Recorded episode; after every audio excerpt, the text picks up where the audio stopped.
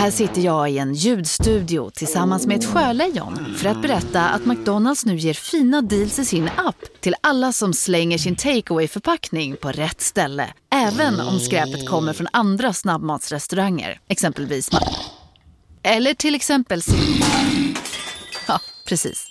Välkommen till Momang, ett nytt smidigare casino från Svenska Spel, Sport och Casino där du enkelt kan spela hur lite du vill. Idag har vi Gonzo från spelet Gonzos Quest här som ska berätta hur smidigt det är. Sí, es muy excelente y muy rápido! Tack Gonzo. Momang, för dig över 18 år. Stödlinjen.se. Du lyssnar på en podd från Perfect Day. Aber da war einmal, hat er mir in, in sein Büro gerufen. Du kommst nämlich mal in mein Büro. Da wussten wir ganz genau, zuerst ist das Fenster auf und dann macht er dazu und dann... Und sagte, ähm, Freunde von mir hat, hat dich gesehen heute Nacht um 3 Uhr mit äh, zwei Frauen und einer Flasche äh, Whisky. Ich sage, das ist, das ist nicht wahr, Herr Weißweiler. Das ist nicht wahr. Ja, doch, doch, das war gute Freunde von ihm und äh, das war 100 Prozent. Ich sagte, das, das ist nicht wahr, das war kein Whisky, das war Wodka. Habe ich nicht Brave attempt by Francis, but not good enough. Sanson now with a long throw.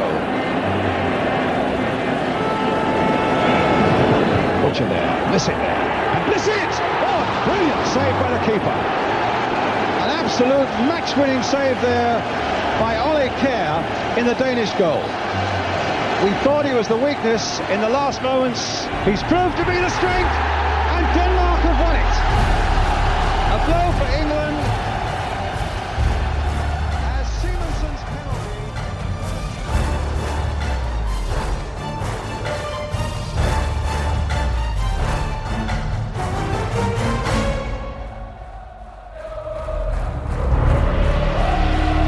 Det fanns, som ni vet, en väldigt dyster tid för svensk landslagsfotboll. 80-talet var en Golgata-vandring för oss med systemstrider och ständigt missade mästerskap. Samtidigt var det här en gyllene era för vårt brödrafolk på andra sidan Öresund. Danmark vann visserligen inga mästerskap, men de vann våra hjärtan för all framtid. Tänk hur Brasilien värderar sitt landslag från 1982 som inte vann, men som spelade på ett sätt som ingen någonsin kan glömma.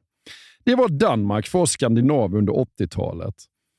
Ledare för det laget var en spelare som under tre år kom tvåa, trea och fyra i Ballon d'Or och förde sitt pyttelilla italienska ligalag till en helt sensationell scudetto.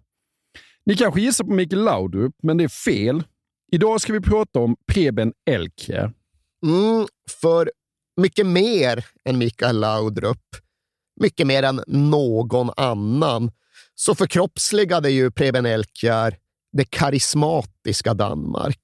Landet som framstod som något helt annat än det gråbruna, stelbenta 1980-tals-Sverige. För det här var färgfilm. Det var rappa repliker, det var garv, det var glimt, det var ja, men en kontinental, internationell version av det här folkhemstaffliga kalsongklippandet i Blåvitts omklädningsrum. Det här var snarare liksom en fläkt av den stora, vida världen som drog upp genom Skandinavien och det var den del av 1980-talet som faktiskt osade framtid innan framtiden sen faktiskt kom och allt blev för sent. Men 1980-talet var ju det sista årtiondet innan fotbollen blev globaliserad och hyperkommersialiserad. Det fanns då fortfarande en exotisk mystik runt världsmästerskapen och det var fortfarande möjligt för provins och landsortsklubbar att vinna världens allra bästa liga. Det var på den tiden sagor fortfarande kunde bli sanna och då ja, men en av världens största stjärnor kunde vara en i grunden helt vanlig grabb från Själland. Ska vi börja från början med Preben? Vem, vem var han? han var ju då någonstans i grunden en helt vanlig Köpenhamnskille. Kom från den här stadsdelen som heter Fredriksberg i det som måste räknas som centrala Köpenhamn.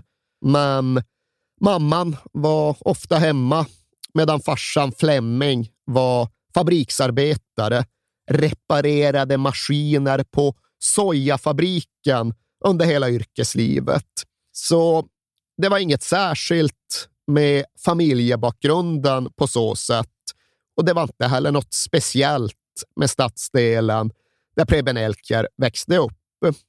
Men det som ändå var betydelsefullt, det var ju tveklöst att lägenheten på sjunde våningen på Rådman Steins allé där i Fredriksberg, den vette ju ut mot den lokala fotbollsklubben Fredriksberg BK på ett sätt som innebar att du såg gräsplanerna från fönstret.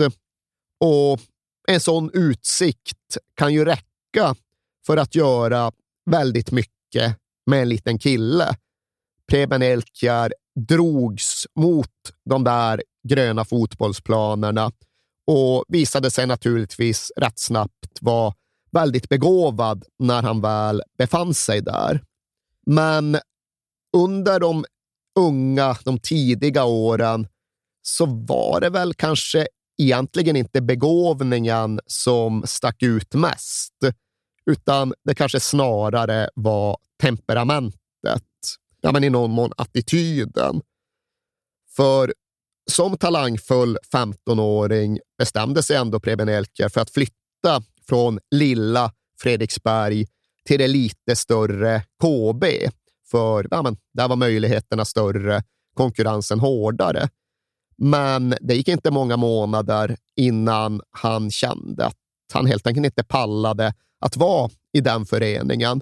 För det här var en traditionsförening med anor och hierarkier och regler. Och för en 15-årig Preben Elkjär var det ju helt obegripligt och för den delen omöjligt att tugga i sig att ja, men exempelvis enbart seniorspelarna skulle få nyttja biljardbordet. Vad var det för jävla smörja? Ja. Ingenting för Preben i alla fall. Så han lämnade KB och återvände till lilla Fredriksberg efter mindre än ett år. Och det är väl i den vevan som det verkligen börjar snackas, börjar skrivas om en kille som då också gick under namnet Preben E. Larsen. Han var Preben Larsen, sin farsas kille och mammas efternamn Elkjär, ja, det var ofta då reducerat till bara en begynnelsebokstav. Så när det skrevs om honom för första gången, då skrevs det om Preben E. Larsen. En kille med ja, men ett temperament som tycktes problematiskt i andras ögon. En kille som kunde få raseriutbrott när han ägnade sig åt sin idrott. För som det ofta var på den här tiden så var det inte bara fotboll. Det var handboll också för Preben E. Larsen och det var tydlig begåvning där med. Han var målvakt? Va? Stod i mål i mm. handboll, men blev ju då helt vansinnig typ varje gång som han uppfattade att någon sköt för nära hans huvud. Så han blev den mest utvisade målvakten i Köpenhamns ungdomshandbollshistoria. Mm. Och där uppfattades det också som att ja, men temperamentet satte stopp. Han hade kunnat bli elitspelare i handboll också ifall han hade kunnat hum hålla humöret i tyg. För den delen ifall han hade varit lite mer seriös. För han tycktes inte ta sin handboll, sin idrott på så där jättestort allvar. Och nu börjar han ju ändå komma upp rätt långt i åren. Nu är han 16, nu fyller han 17 och så där jättemycket händer inte med Preben E. Larsens eventuella elitsatsning. Han är ju bra.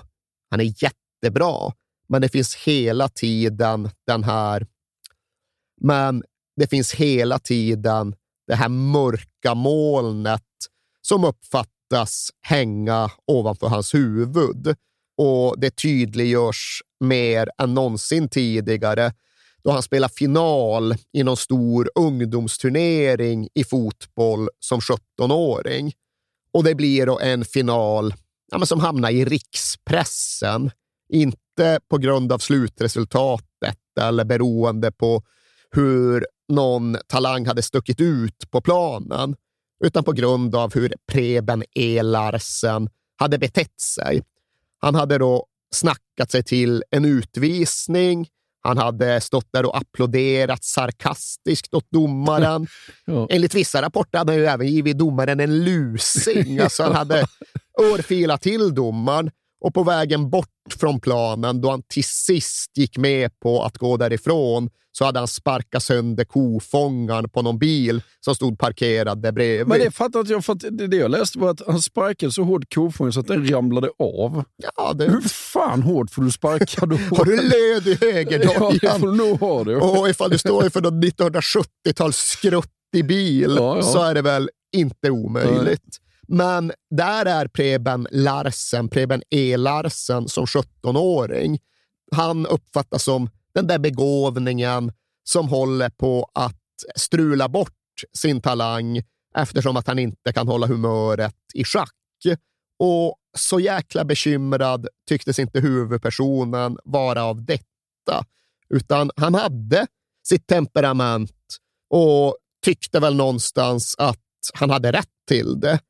Han hade ju dessutom ja, men någon typ av tydlig karisma och någon charm som det för många var ganska svårt att värja sig mot. Han var väl ja, men grabbarnas grabb, den typen av kille. Ja. Eh, en skön snubbe med löd i repliken som tog livet med en klackspark och fotbollen med ett garv när han nu inte hade blivit förbannad och örfila upp en domare och sparka sönder någon kofångare. Och ja, men, fyllda 17 framstod det alltjämt som en väldigt lång och osannolik väg mot eliten. Det skulle väl inte bli något med det där.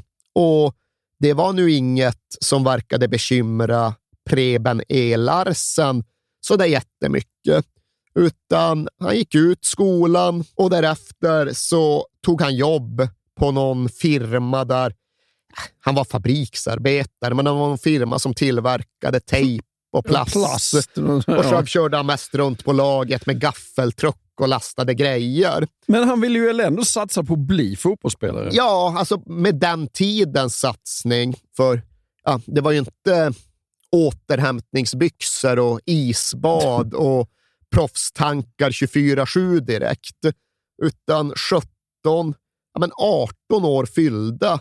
Då spelade han ju fortfarande sin fotboll i den lokala Köpenhamnsserien snarare än det nationella Danmarksmästerskapet. Och jag är inte helt klar över hur seriepyramiden såg ut då. Idag är den här Köpenhamnsserien femte divisionen. Jag vet inte om den var det 75 Nej. också, men det är ju långt ner i ja, men mer eller mindre gärdsgårdsfotbollen. Men det är klart, på den nivån så var han ju helt överlägsen. Ja. Och i samband med att han fyller 18, då får han en ganska ovanlig kallelse till det danska U19-landslaget. Det var ändå sällsynt att du spelade i lokalfotbollen och blev uttagen i juniorlandslaget. Men det blev Preben E. Larsen och direkt i debuten så gjorde han också mål mot Polen.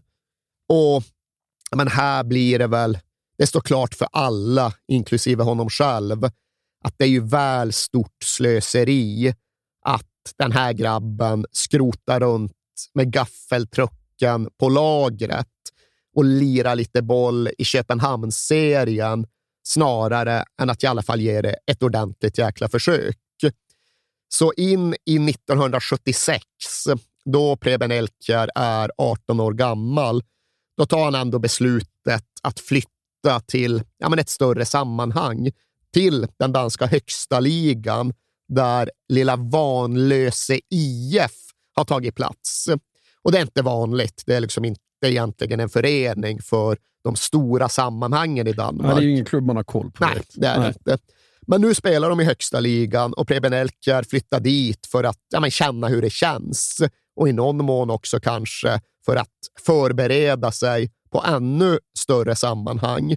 Men det är ju inte så att han därmed tar klivet och blir heltidsspelare i fotboll, utan våren 1976, alltså du betalar ju fortfarande för att spela i danska högsta ligan med Vanlöse. Det är som det är i liksom pojkfotbollen idag. Ja, men, du betalar medlemsavgift så att föreningen har råd med bollnät och koner till träningarna och buss till bortamatcherna. Så Preben Elke betalar för att spela i den danska högsta ligan.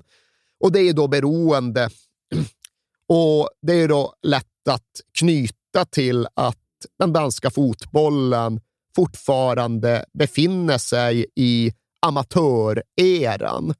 Och det är ju samma grej som vi har varit inne på med den svenska fotbollen många gånger. Det här med att så fort en spelare faktiskt blev professionell, ja, då krävdes det att han flyttade utomlands och då innebar det även att han strök sig själv från möjligheten att bli uttagen i det danska landslaget. Och det där släppte ju Sverige ja, men i mitten av 1950-talet. In i 1970-talet så lever det fortfarande kvar i Danmark.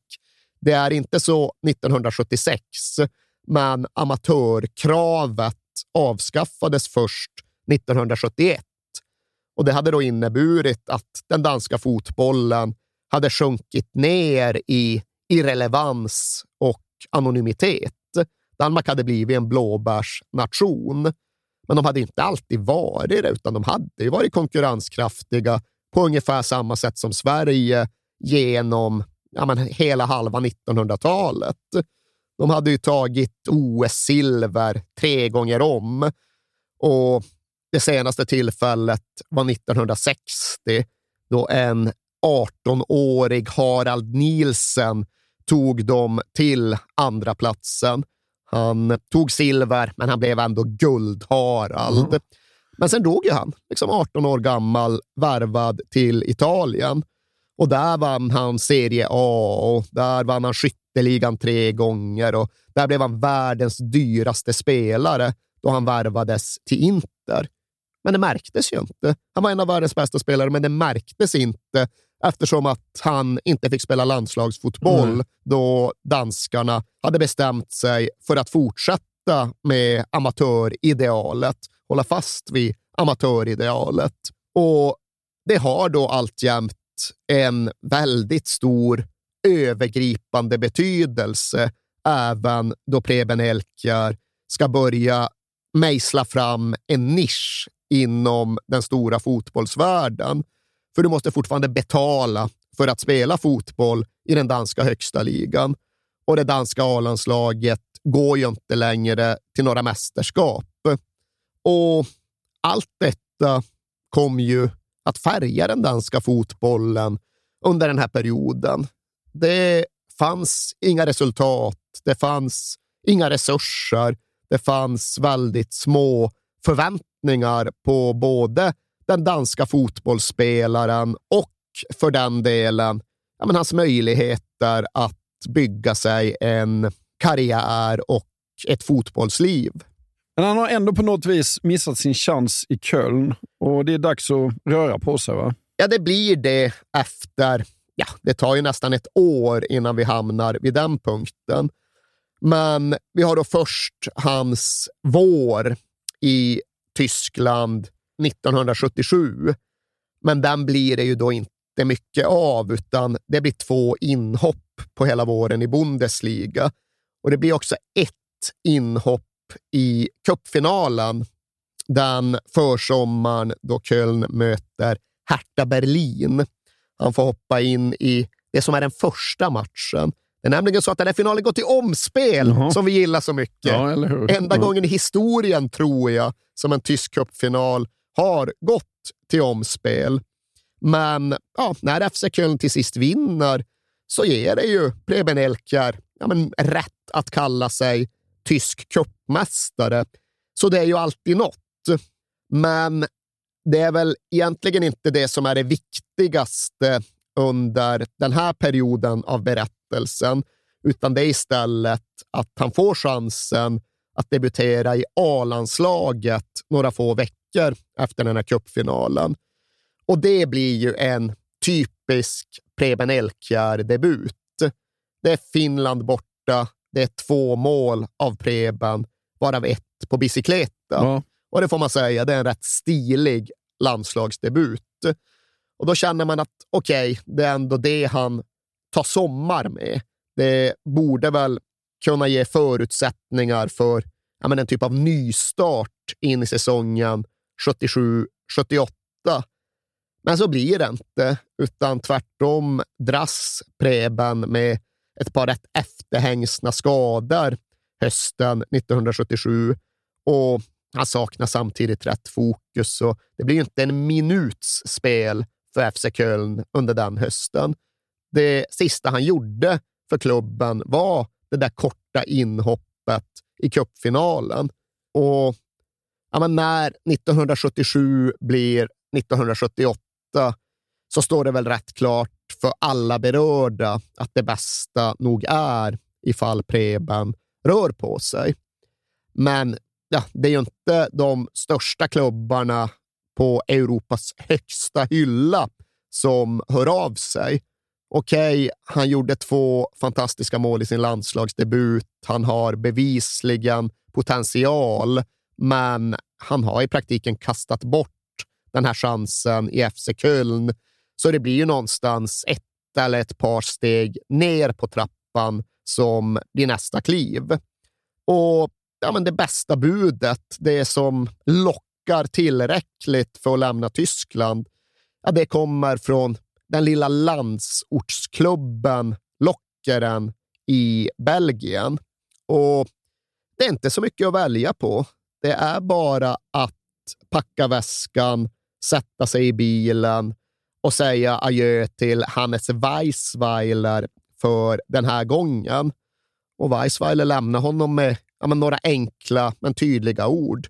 Koncentrera dig nu bara på fotbollen och lev ordentligt. Lev rätt så kommer du att bli någonting. Ja. Och Hannes Weissweilers bedömningar av både Elkjärs potential och ja, men, hans position i Kölns hierarki, ja, de får sägas ha varit rätt korrekta. För 77-78 så FC Köln går och vinner den tyska dubbeln under Hannes Weissweiler. Vinner både ligan och kuppen trots då att Preben E. Larsen inte får spela en enda minut. Så det går ju liksom inte att säga någonting annat än att det här var en tränare som hade haft rätt och en spelare som hade levt fel. Och med tiden köpte ju även Preben Elkjær detta. Som du själv sa, han insåg att det var Weissweiler som hade givit honom chansen, som hade byggt upp honom och som hade börjat förvandla honom till en proffsspelare. Men som Preben själv säger, jag förstod honom för sent. Ja. Men de kom ju att hålla kontakten och när Weissweiler till sist gick bort så ja, var Preben Elke definitivt på begravningen. Enligt vissa rapporter så var han till och med kistbärare, Jaha. men det har jag faktiskt inte lyckats dubbelkolla mm. så att jag är trygg med att slå fast det. Det var som fasen. Ja, ja. Det är så säga, en speciell relation ja, elev och läromästare emellan. Men jag tror ändå det finns någonting i det här att vissa unga begåvningar som tror för högt om sig själva, de fattar ju aldrig vilka det var som egentligen försökte hjälpa dem och de erkänner aldrig att de hade rätt medan de själva hade fel. Men det gjorde ändå Preben Elkjær. Han hade tillräckligt god självinsikt för att förstå ja, men vart han hade trampat snett och vad som egentligen krävdes. Och dessutom så trillade ändå slanten ner hyfsat snabbt. Det var inte när han var 49 och satt och såg tillbaka på en misslyckad karriär som det här blev uppenbart för honom, utan det krävdes egentligen bara att han lämnade Tyskland och började om igen för att ja, men han skulle förstå. Frech wie Dreck schon damals, kein Respekt vor älteren Spielern und vom Hennes auch schon nicht. Ne? Und, und rauchte und machte alles und so. Er hat ja auch noch keinen Führerschein gehabt. Ja, men han kommer till Lockren och där är det inte riktigt lika tufft som det var i Köln, va? Nej, det är inte en lika kravfylld miljö. Det är ju inte heller en liksom lika stor scen med lika starka strålkastare. Men för Preben E. Larsen, nyss fyllda 20, så visar det sig vara ganska exakt vad han behöver. Och det kan betonas att på många sätt är inte det här ett särskilt attraktivt erbjudande. För Lockeren är ju då en rätt liten klubb i den belgiska ligan och det är dessutom så att liksom registreringssystemet innebär att han inte kommer få spela i den belgiska ligan heller under pågående säsong. Så han tvingas resignera inför att okej, okay, 77-78, ja, det blir ju ett förlorat fotbollsår. Det är noll minuter i tyska Bundesliga. Det kommer bli noll minuter i den belgiska ligan också. Men det får lov att bli på det här sättet, för några bättre alternativ har jag inte. Och Det är bara att liksom sätta sig i bilen, komma till lilla lockaren, inse att okej, okay, nu är det tillbaka till att tvätta träningskläderna själv igen. Nu är det nästan så att det är närmare Vanlöse i Danmark än, än Köln i stora Västtyskland. Men, ja, men ifall det är invändningarna så finns det även en ganska tydlig uppsida. För även om Lockeren är en liten klubb i skymundan så är det ändå en ganska välmående och faktiskt ambitiös klubb på den här tiden. För det finns en ny ägare som vill saker och ja, som även har saker, som även har pengar. Den typen av ägare som alltid såg till att bjuda in sina spelare till sina påkostade nyårsfester i sitt palatsliknande hem, där han också ja, men varje gång ursäktade sig själv vid samma tidpunkt för att skrida upp en våning och sen återvända med nävarna fulla av kontanter som man då ja, men, delade ut till spelarna som en typ av inofficiell nyårsgåva. Det låter lite speciellt. Tror jag. Ja, alltså, det var väl klubbpampar, din typ av pampar ja, ja, ja. på den här tiden. De var excentriker som slängde pengar omkring sig. Och finns något fint i det, tycker jag. finns något fint i det. Det finns något betydelsefullt i att komma till Lockeren under just den här tiden då Etienne Rogier, som han hette, hade just djupa pengafickor som han gärna stack ner sina händer i. Elke beskriver dem lite grann som att ja, men han hade inga barn, så att vi var hans barn. ja, spelarna var hans barn och Lockeren, alltså fotbollsklubben, blev den familj som han gjorde sig till överhuvud för. Så trots allt fanns det saker som talade för Lockeren också. Och även om nu Elkjär var förhindrad att spela ligafotboll så fick han av någon oklar anledning i alla fall delta i kuppspelet. Och det innebar att han ändå hade möjlighet att debutera för sin nya klubb efter ja, vad är det, en dryg månad i Belgien. Nu är det cupmatch mot stora stygga Standard Liège. En ändå ganska uppumpad match. Men det, det, belgiska toppklubbar, det var väl toppklubbar nästan i Europa också på den här tiden? Absolut. Alltså, Standard Liège, Anderlecht, de här... Ja, nej, men den belgiska ligan var mycket, mycket starkare än den är idag. Ja. Och Det går ju för sig att titta på den europeiska fotbollskartan och säga att ja, men nästan alla ligor var toppligor. Ja. För nästan alla hade fortfarande chansen att göra saker i Europa. Tänk vad stark allsvenskan var. Blåvitt, MFF, ja. otroligt. ja. Och liksom rumänska ligan, ja. Steaua Bukarest. Så det var ju en annan tid. Men den belgiska ligan var absolut konkurrenskraftig och Standard Liège var en klubb med ett rykte och med en kapacitet. Det är Michel Predom i mål och det är Erik Scherets och det är liksom namnkunniga Ja. grabbar som kommer till Lockeren och gör 3-0 på en dryg halvlek. Och så var det med den kuppen, så var det med den debuten. Förutom då att det inte var det, för nu jäklar ska just Preben Elkjær visa vem han är när det är dags för att debutera i något nytt sammanhang. Så han gör de två mål som räddar förlängning för Lockeren. De går från 0-3 till 3-3. Preben Elkjær gör 2-3 och 3-3 målet. De tar matchen till förlängning. De vinner sen i förlängningen med 5-3. Det här är liksom en superklassiker. Ja, ja, En av ja. de största matcherna i Lockerens historia. Och det är även Preben Elkjärs debut. Nu kan vi också börja kalla honom för Preben Elkjær med eftertryck. Vi slipper hålla på med det här Preben E. Larsen hit och dit, för han hade ju då gått under det namnet fram till och med nu. Men den belgiska ligan är inte bara osedvanligt konkurrenskraftig på den här tiden, utan det är även en liga som har hämtat många spelare från nordiska länder. Det finns flera Larsens sen tidigare i Belgien och för att då undvika förväxling så börjar Preben att nyttja mammans efternamn Elkjær på ett tydligare sätt. Så det är här han kommer till belgisk fotboll när han gör två mål mot Standard Liège. Det är även här han faktiskt blir Preben Elkjær för resten av karriären. Alle op hem. Maar eh, Larsen meteen, die debuteert vandaag, kwam en in deze sensationele kwartfinale na 27 minuten. 3-3 cijfers op het bord.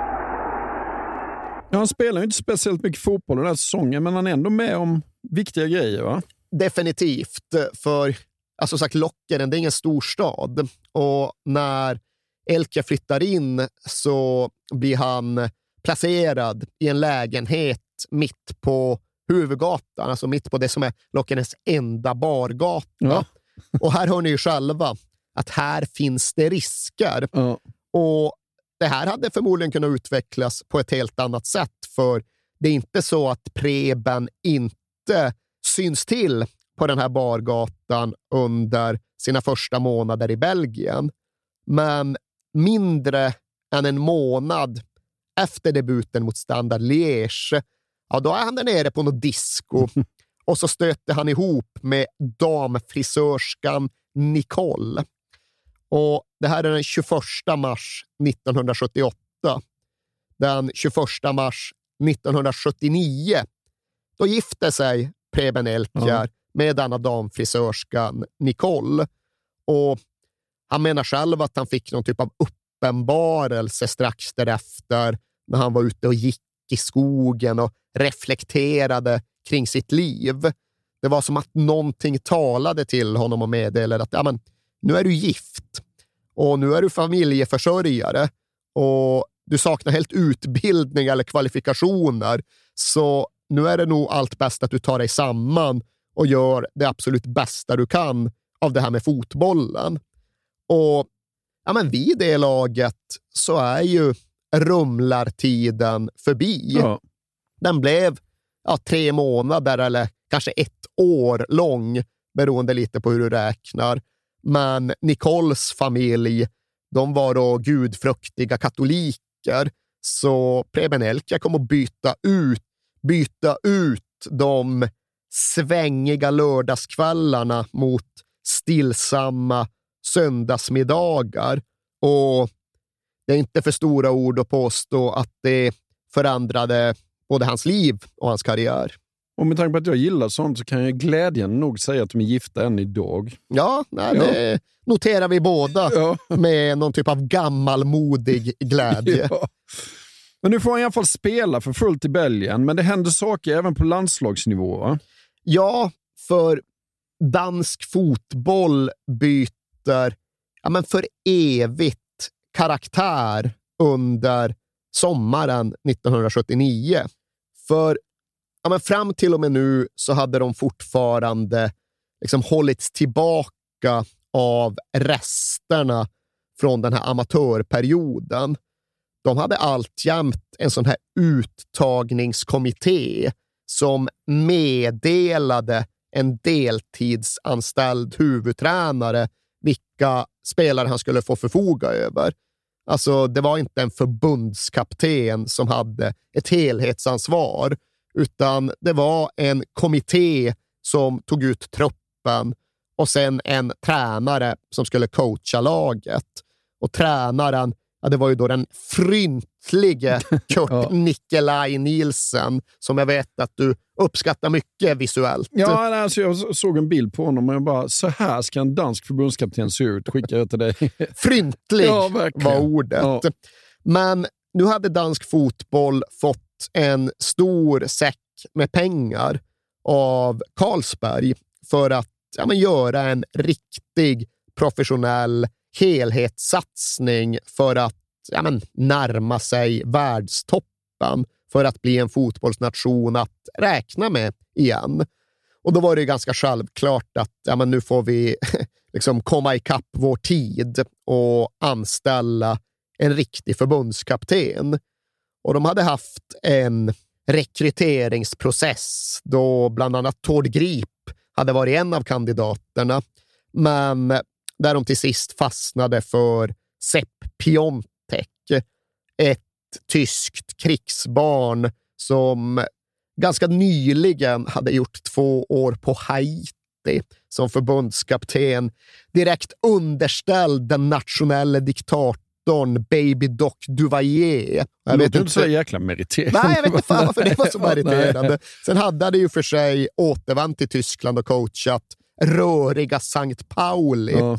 Men det var väl framför allt hans karaktär och ja, men för den delen eventuellt då förmågan att bringa ordning och reda till stökiga sammanhang som tilltalade de danska beslutsfattarna.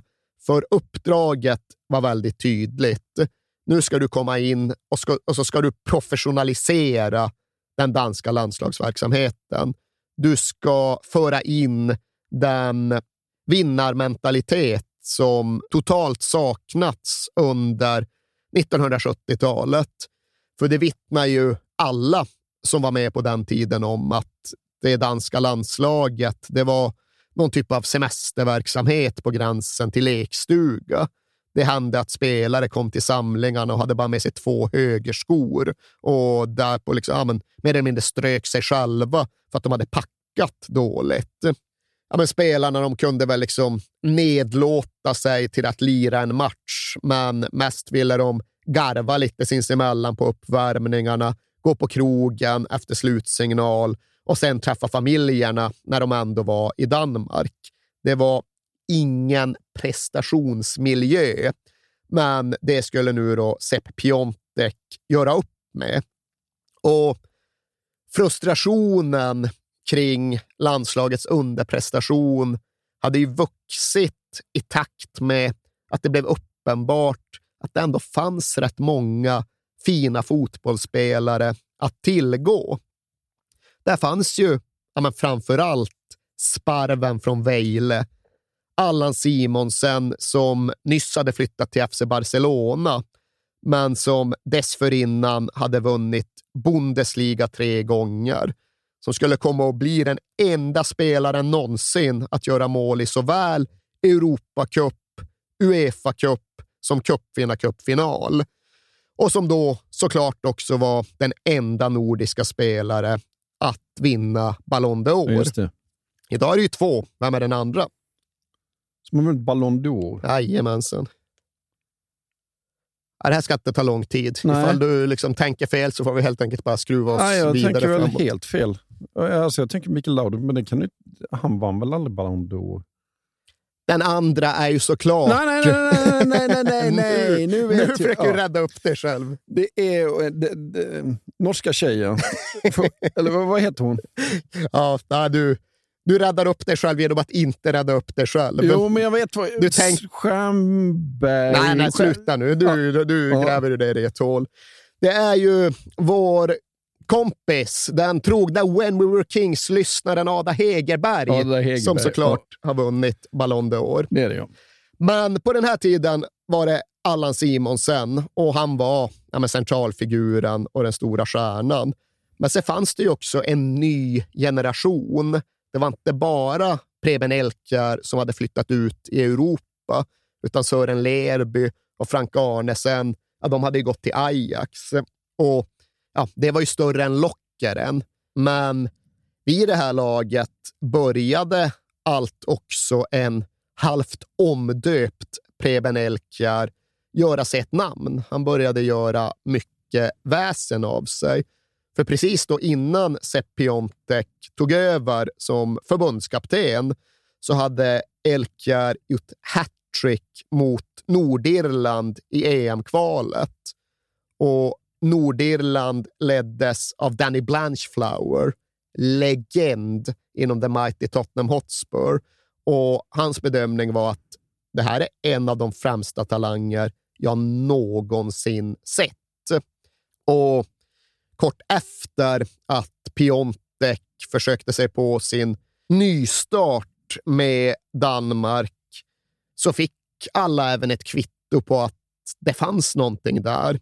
För hösten 79, efter bara några månader, så åkte de ner till Spanien och vann med 3-1 i en match där Preben Elkjær även där gjorde två mål. Så ja, men både på det ena och det andra hållet började det bli rull på grejerna och saker och ting började röra sig i rätt riktning.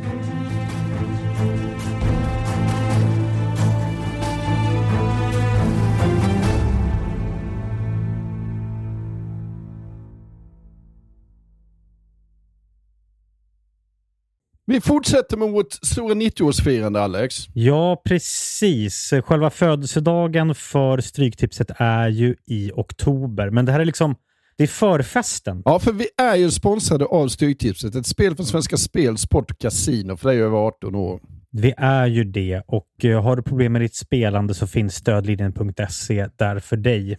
Och jag uh, funderade lite så här, undrar hur många som har haft 13 rätt genom de här 90 åren som har eh, förtjänat den här respekttröjan. Liksom. Vi firar ju på vårt speciella sätt med våra kära lyssnare som ja, älskar Stryktipset och har skickat in historier till oss om eh, hur Stryktipset har påverkat dem i 90 minuten. Och fortsätt gärna skicka in de fina historierna till kings at perfectdaymedia.se. Har vi någon historia idag?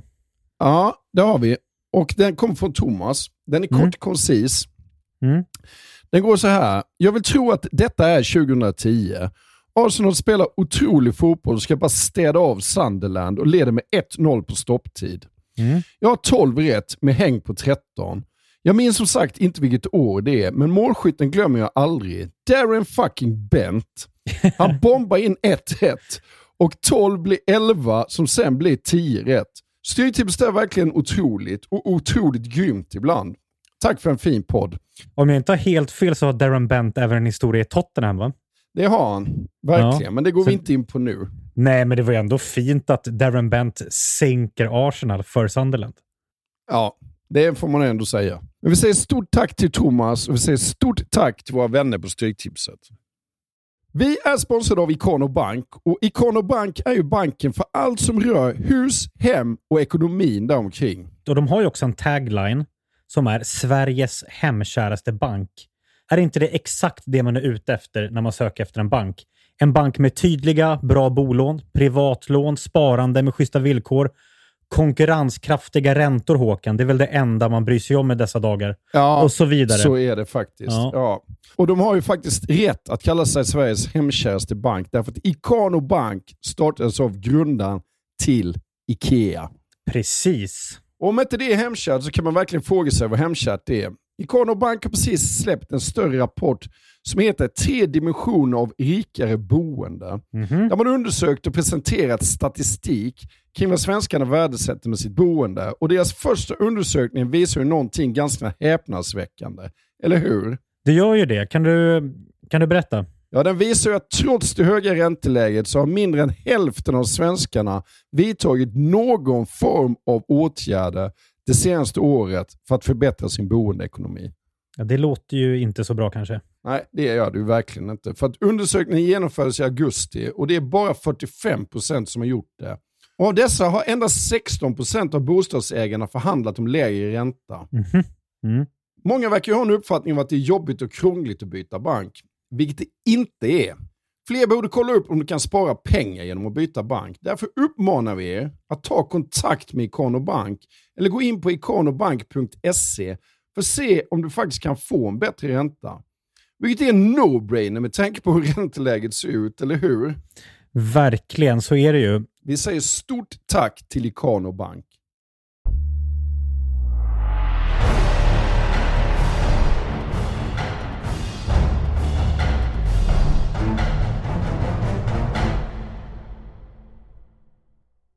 Nu ska de i alla fall till EM i Frankrike. Ja, de har ju fått ihop ett jävla bra lag, det får vi säga. Och vi kan väl bara passa på att ja, dra igenom stomman för att positionera oss.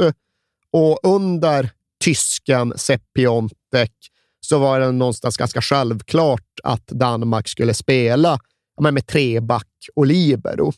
Och det gjorde de ju med Mårten Olsen som extremt skicklig libero bakom ett bryskt mittbackspar bestående av främst Sören Busk och Ivan Nielsen. Men så var det då ett mittfält som oftast byggde på Sören Lerby och Frank Arnesen. Det är någonstans, även om jämförelsen är lite oren, den danska motsvarigheten till Schwarz och Tern. det.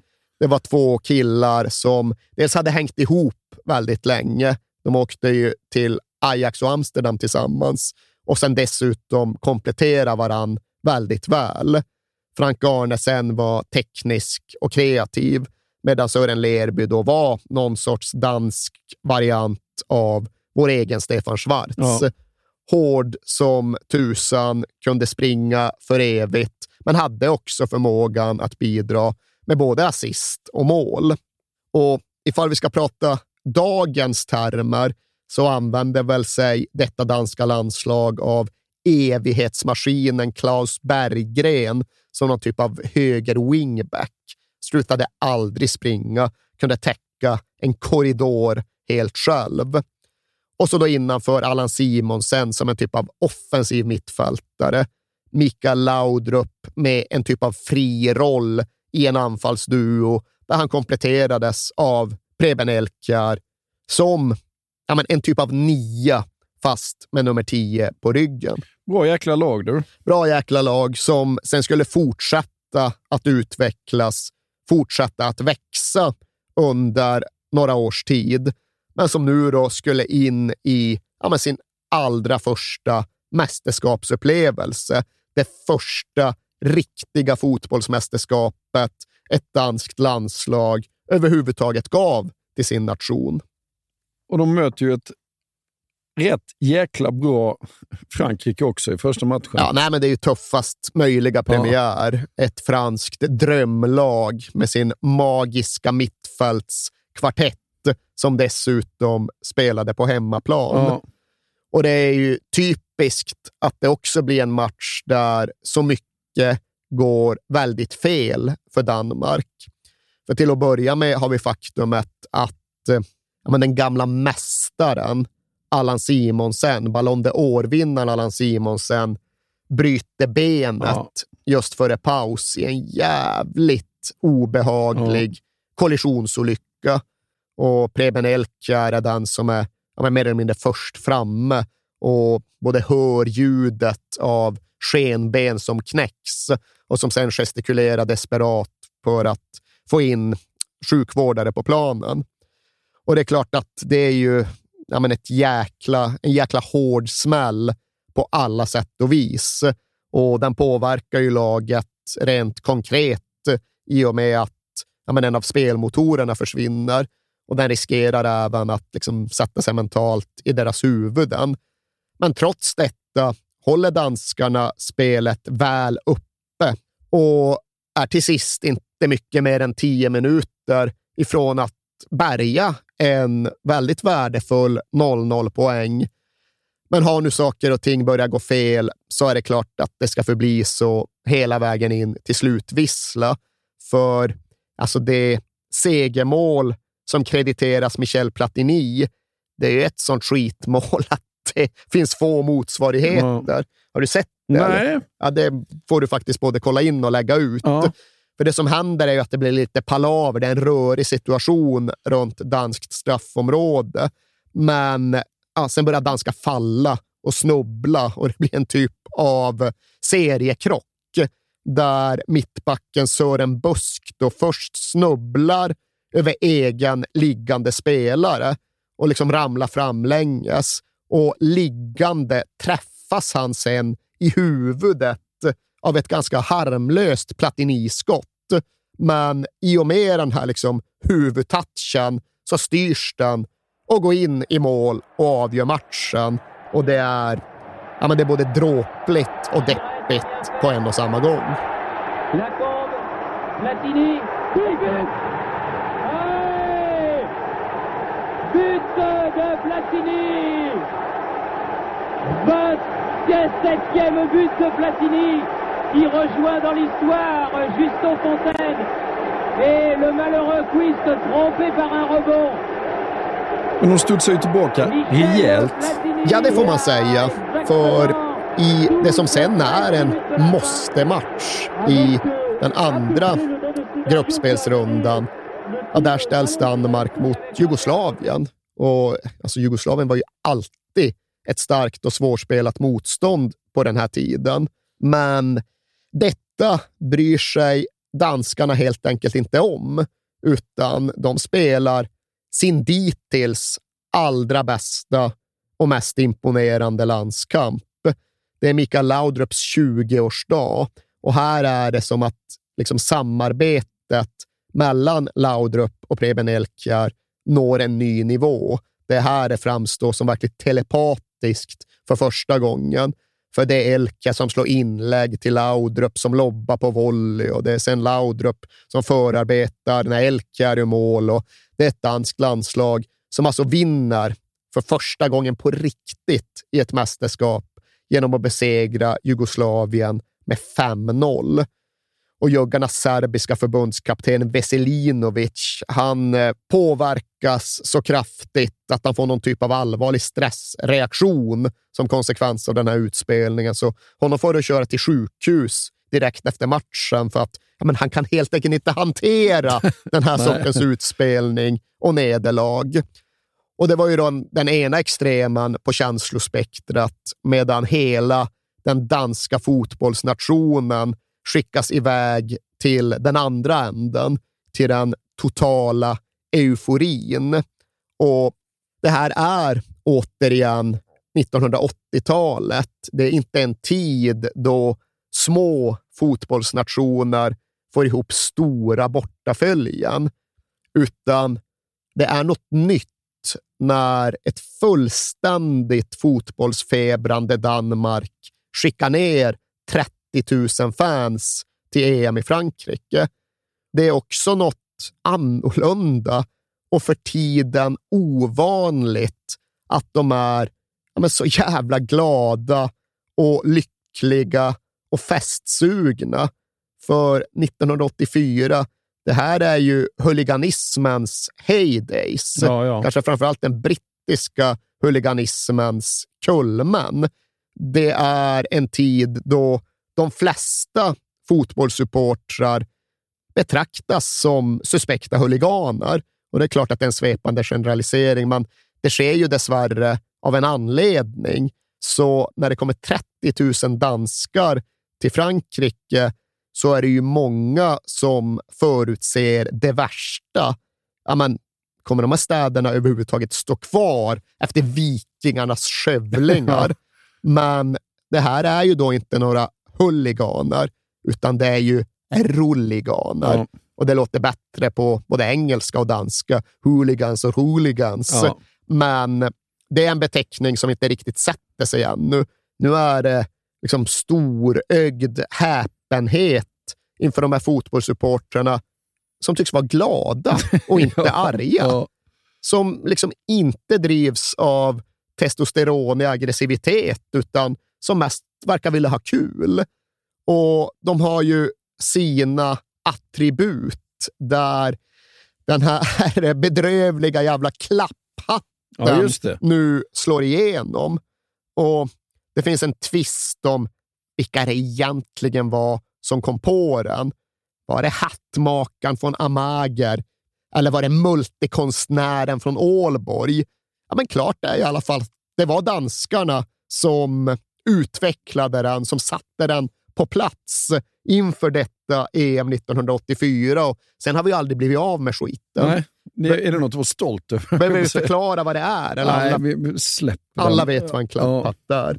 Och ja, det kan vi väl hålla emot den danska supporterkulturen på 80-talet, men den bidrog verkligen till att världen kom att titta mot den danska fotbollen med sån värme i blicken. Ja, alltså den här danska euforin smittade ju av sig även på, på svensk sida, i alla fall upp där jag bodde i Halmstad, för att vi, oj vad vi älskade Danmark under det här mästerskapet. Det kommer jag ihåg jätteväl. EM 84 var ju för tidigt för Ja, mig. nej, inte för mig. Jag minns ingenting. Det är VM 86 som ja, hade den effekten på mig också. Ja. Men det satte sig redan här i Sverige. eh, Laudrup och Elka hade man ju järnkoll på. De var ju spred- superhjältar. spred ju sig över Europa och det Ja. var både spelarna och då supportrarna. Och fansen, alltså fransmännen och liksom det internationella samfundet var ju så förbryllade och så ja, men positivt överraskade av deras beteende att det fanns en vilja att verkligen uppmärksamma det. Glada fotbollssupportrar. Vi har väl aldrig sett på maken. Nej. Så efter detta EM fick ju då danska fans ja, men ett formellt och faktiskt jävla Unesco-pris för sitt beteende.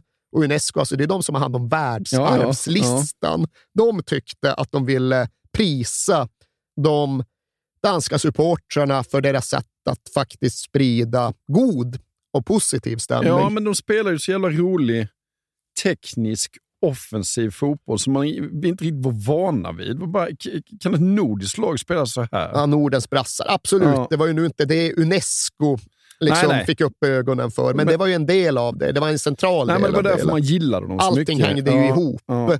Men vi ska väl i och för sig då säga att ifall det finns någon mästerskapsmatch där danskarna kollektivt går ur karaktär, ja, då är det väl den nästföljande.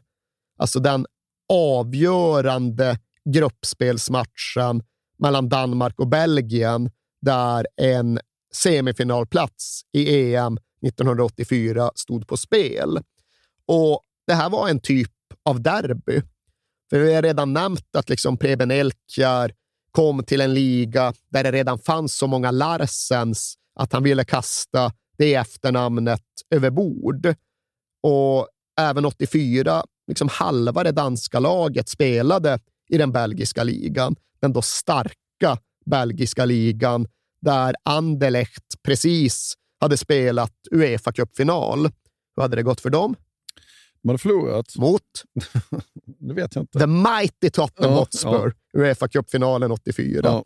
Så klubblagen var ju konkurrenskraftiga som vi har sagt. Landslaget var ju också jättebra. De hade varit i EM-final 1980. De gick till VM-kvart 82. De skulle ju gå till VM-semi 86. Ja. Och det här är liksom mästerskapet emellan.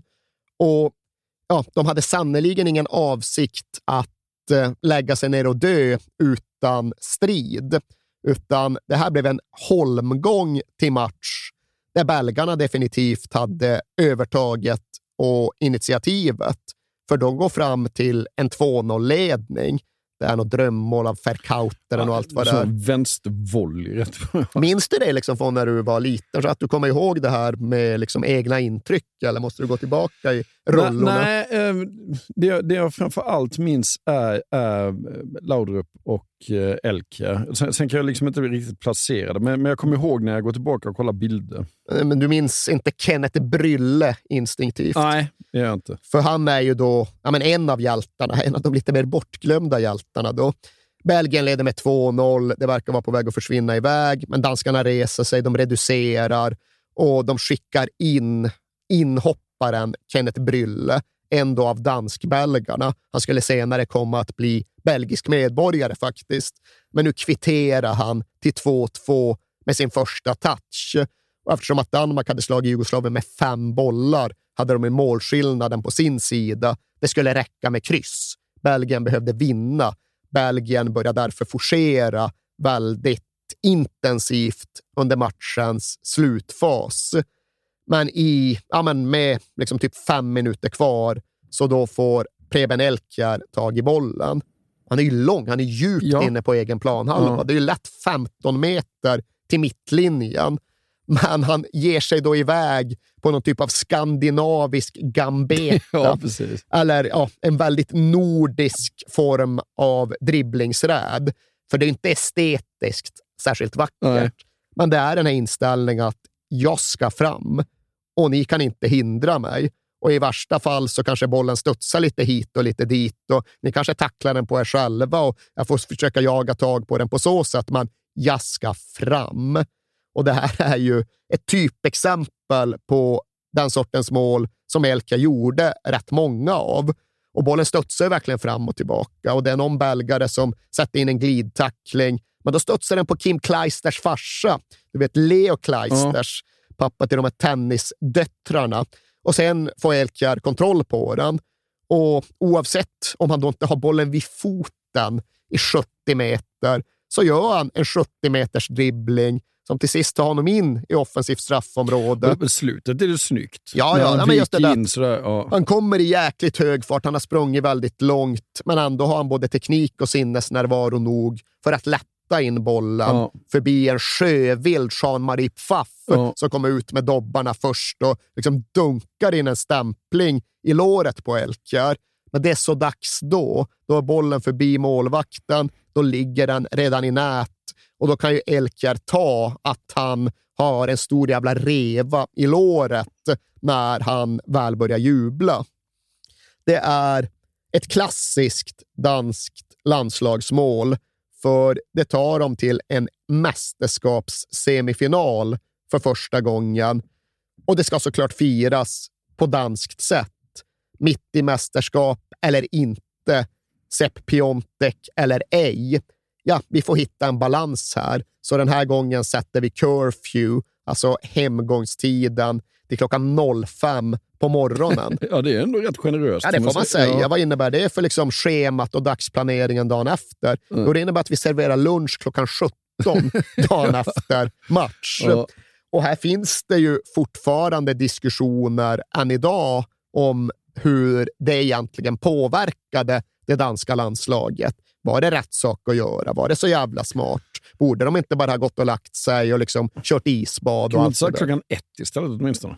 Ja, jag tror ju för att det var rätt sen match, så ett är de typ inte tillbaka på hotellet Nej. ens en gång. Så ska det bli något så måste det kanske bli på typ det här sättet. Ja. Men ja, den diskussionen, ja, men den har aldrig riktigt klingat av. Tror du förresten att Preben Elka gick i täten för det här firandet? Det tror jag säkert han gjorde. Mm, då kan jag berätta att det gjorde han inte alls. Nähä. Tyvärr.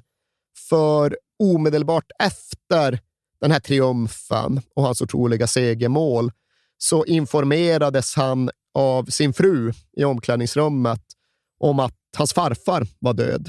Han hade gått bort halvannat dygn dessförinnan, men familjen hade väntat med dödsbudet för att de inte ville ta fokus från fotbollen som skulle spelas. Jag vet inte hur du ser på den prioriteringen. Det tror jag nog var rätt. Ja, det var nog Faktiskt. rätt och det kanske inte liksom behöver problematiseras Nej. jättemycket. Men det är ändå något i mig som ja, blir lite förundrande. Jag tror att det har mycket att göra med att jag en gång, ja, men jag var inte i, i mitten av, men jag berörde och berördes av ja, men bland det mest osmakliga jag varit med om i fotbollssammanhang. För jag ska bara göra en snabb avstickare till de afrikanska mästerskapen i Egypten 2006. Ja. Vet du vad som hände där? Nej. Nej, det begär jag inte heller. Men Lomano Lualua, en kongolesisk fotbollsspelare som bland annat lirade i Newcastle och som var spektakulär, som Ja, gjorde ja. 100 volter Ja. efter sina mål. Ja, men han var ju där för att lira med Kongo, Demokratiska republiken Kongo.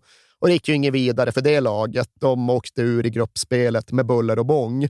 Men när de väl har förlorat den sista gruppspelsmatchen, då informeras Loa Loa om att hans ett och ett halvt år gamla son inte finns längre. Han är död. Och vet du hur lång tid det har gått då? Nej. Två veckor. Nej, vad fan. Alltså, då gick bort innan Nej, gruppspelet fy fan, började. Det var det värsta jag Ja, hört. det är typ det värsta Ja, jag har det var hört. det, ja. Och jag var ändå around det kongolesiska landslaget och liksom fick se lite av så reaktionerna från någon typ av första parkett. Ja, ja, men fy fan. Nej, det, ja, nej, det, är, alltså, det är så Det fan det värsta jag vedervärdigt. hört. Ja, men Ja. faktiskt. Ja. Bland, bland det liksom mänskligt sämsta som överhuvudtaget har skett Ja. i kontakt med elitfotbollen.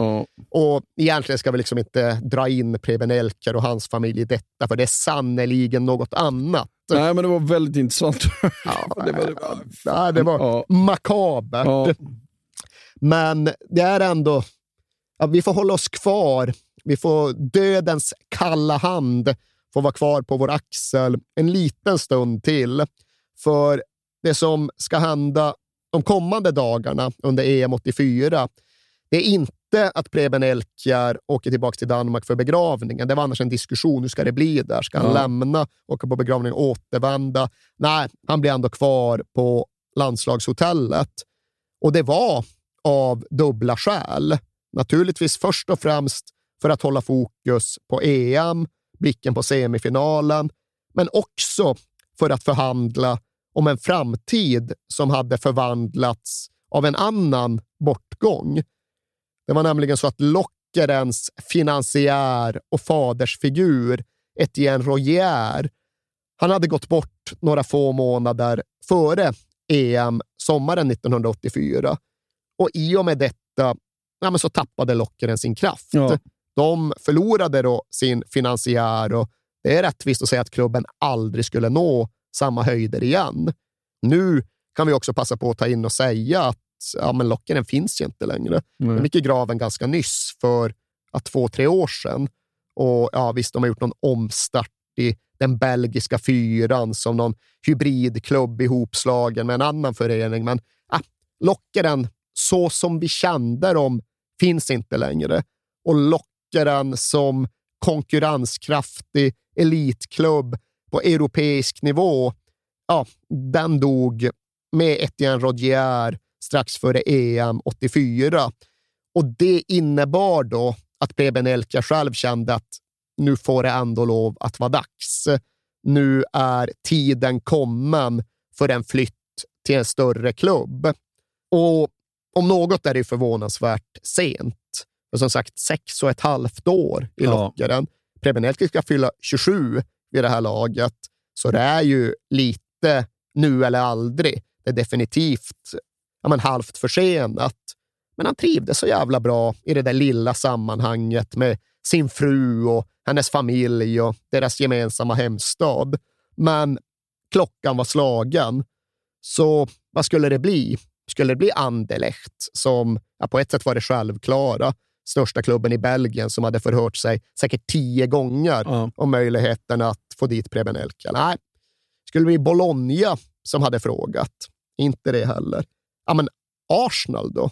Nej, det var inte för Preben och med viss förtjusning kan jag ju vidareförmedla historien om förhandlingarna, samtalen mellan Arsenal och Preben Elkjær. Ja, han tyckte de var jävligt dryga, va? Ja, det var ju någonting att deras dåvarande manager Terry Neal Mm. hade ja, men bett honom att liksom förklara varför det skulle bli så stort att flytta till Arsenal. Varför har du alltid drömt om att spela i Arsenal? Jag, märker bara, jag har aldrig drömt om att spela i Arsenal. Och sen jävla blev det, märklig fråga. ja, sen blev det inte mycket med det, mer med det. Men mitt under då brinnande EM-slutspel så hade förhandlingarna med den italienska Serie A-klubben Hellas Verona kommit till en typ av slutskede. Och de blir fullbordade under de här dagarna före semifinalen. För redan under gruppspelet hade de suttit ja, men mest varenda dag och mest hela nätterna och förhandlat på spelarhotellet i Strasbourg. Var någon natt de hade suttit till klockan tre och när det väl var dags att liksom smyga sig tillbaka till rummet för att i alla fall få några timmars sömn, ja, då är det klart att Elke stöter på Sepp Piontek som står och röker pipa utanför hissen. Piontek sover aldrig verkar det som. Han är koll på sina grabbar. Ja. En otrolig överblick, en otrolig detaljkunskap och för den delen också en förmåga att välja sina strider. Det kanske inte är läge att kicka upp en stor jävla eldsvåda runt detta. För Preben är Preben och Preben ska byta klubb och liga och vi är mitt under ett EM. Det är väl bara att säga godnatt Preben och ja. sen tar man morgondagen som den kommer. Men har lite märkt av den upplevelsen så kände väl Preben Elker att vi ska inte köra själva kontraktssigneringen på spelarhotellet. Nu har danskarna flyttat från Strasbourg till Lyon för att nu ska jag spela semifinal, men vi tar det här andra stället några hundra meter bort. Det finns ett annat hotell där, lugnare, ingen piontek, ingen pipa. Där skriver vi på kontrakten. Och så kommer de dit, så sätter de sig ner för att bara ta fram signeringspennan och så inser de att okej, okay, det är inte det danska spelarhotellet. Det är det danska presshotellet. ja, det så, det står liksom 200 journalister och bara kollar på när Preben Elkar till sist skriver på för Hellas Verona. Ja.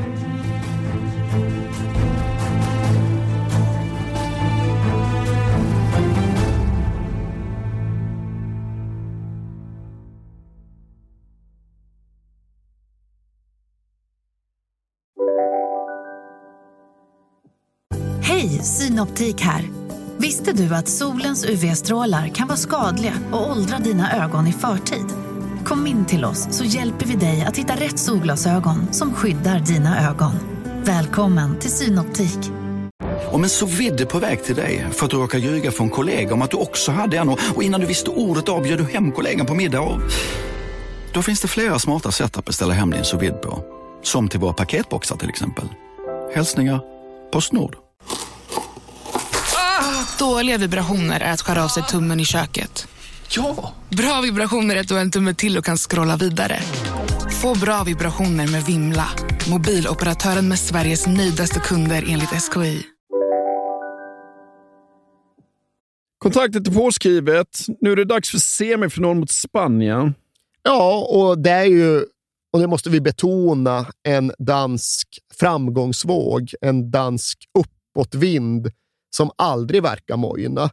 Det är så att både spelare och supportrar och alla ja, men lite halvt förutsätter att de ska spola bort Spanien också och nå EM-finalen. Så mycket har tuppkam och självförtroende hunnit växa. Och det tycks ju berättigat, för Danmark tar ledningen ja, men i stort sett omedelbart. Har knappt ens gått fem minuter när Preben Elke får iväg en jävla nick hårt uppvaktad från långt håll som liksom loopar över Arconada i det spanska målet, slår i ribban och så kan Sören Lerby bara peta in 1-0 målet. Och sen ja, men behåller danskarna kommandot och de fortsätter skapa chanser och de borde ha avgjort efter en timme. Men då står det fortfarande bara 1-0 och sen kvitterar spanjorerna och därefter är det en, en verkligt jämn nagelbitarmatch där lagen byter chanser med varandra. Och kanske kommer den allra bästa, men definitivt i alla fall den mest klassiska i förlängningen.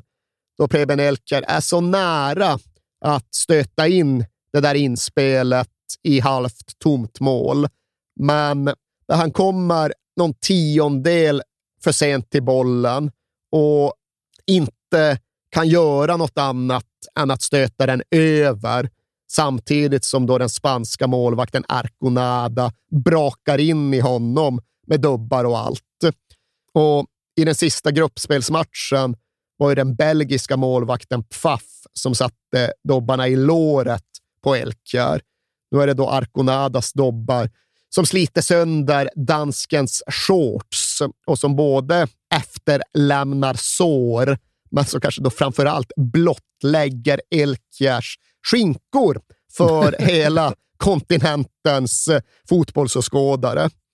Och Danmark kunde ju mycket väl ha vunnit den här matchen under ordinarie tid. De borde kanske ha gjort det, men när de väl når straffsparksläggningen, då är det ett lite halt och lytt och stapplande landslag som tar sig dit. För Klaus Berggren har blivit utvisad och Morten Olsen har blivit skadad och Preben Elkjär har då ett stort hål i shortsen. Men trots detta så förklarar han sig, ja men såklart, karaktäristiskt nog villig att slå den femte, den sista straffen som ingen annan dansk verkar särskilt sugen på. Och ja, men när Sepp Piontek väl når honom med frågan, ja, men kan du slå den femte straffen Preben? Du, jag kan, slå, jag kan slå alla fem om du vill. ja. För sånt, ja. var hans, sånt var hans övertygelse, sånt var hans självförtroende. Han var ju ordinarie straffskytt i Lockeren där han hade sagt åtta av åtta. Ja. Så det är klart att han skulle skjuta den viktigaste och mest avgörande straffen. Men vad tusan händer när de väl har nått dit? Jo, alla andra skyttar har slagit dit sina straffar, men nu uppfattar Preben Elkjär att Arconada i det spanska målet är på väg åt rätt håll när han är en kvarts sekund från bollen. Och detta det får honom då trycka till bollen lite extra, vilket medför att bollen stiger, att den seglar över målburen och att Preben Elkjär tvingas linka tillbaka till mittcirkeln med trasiga shorts och med en missad straff på samvetet.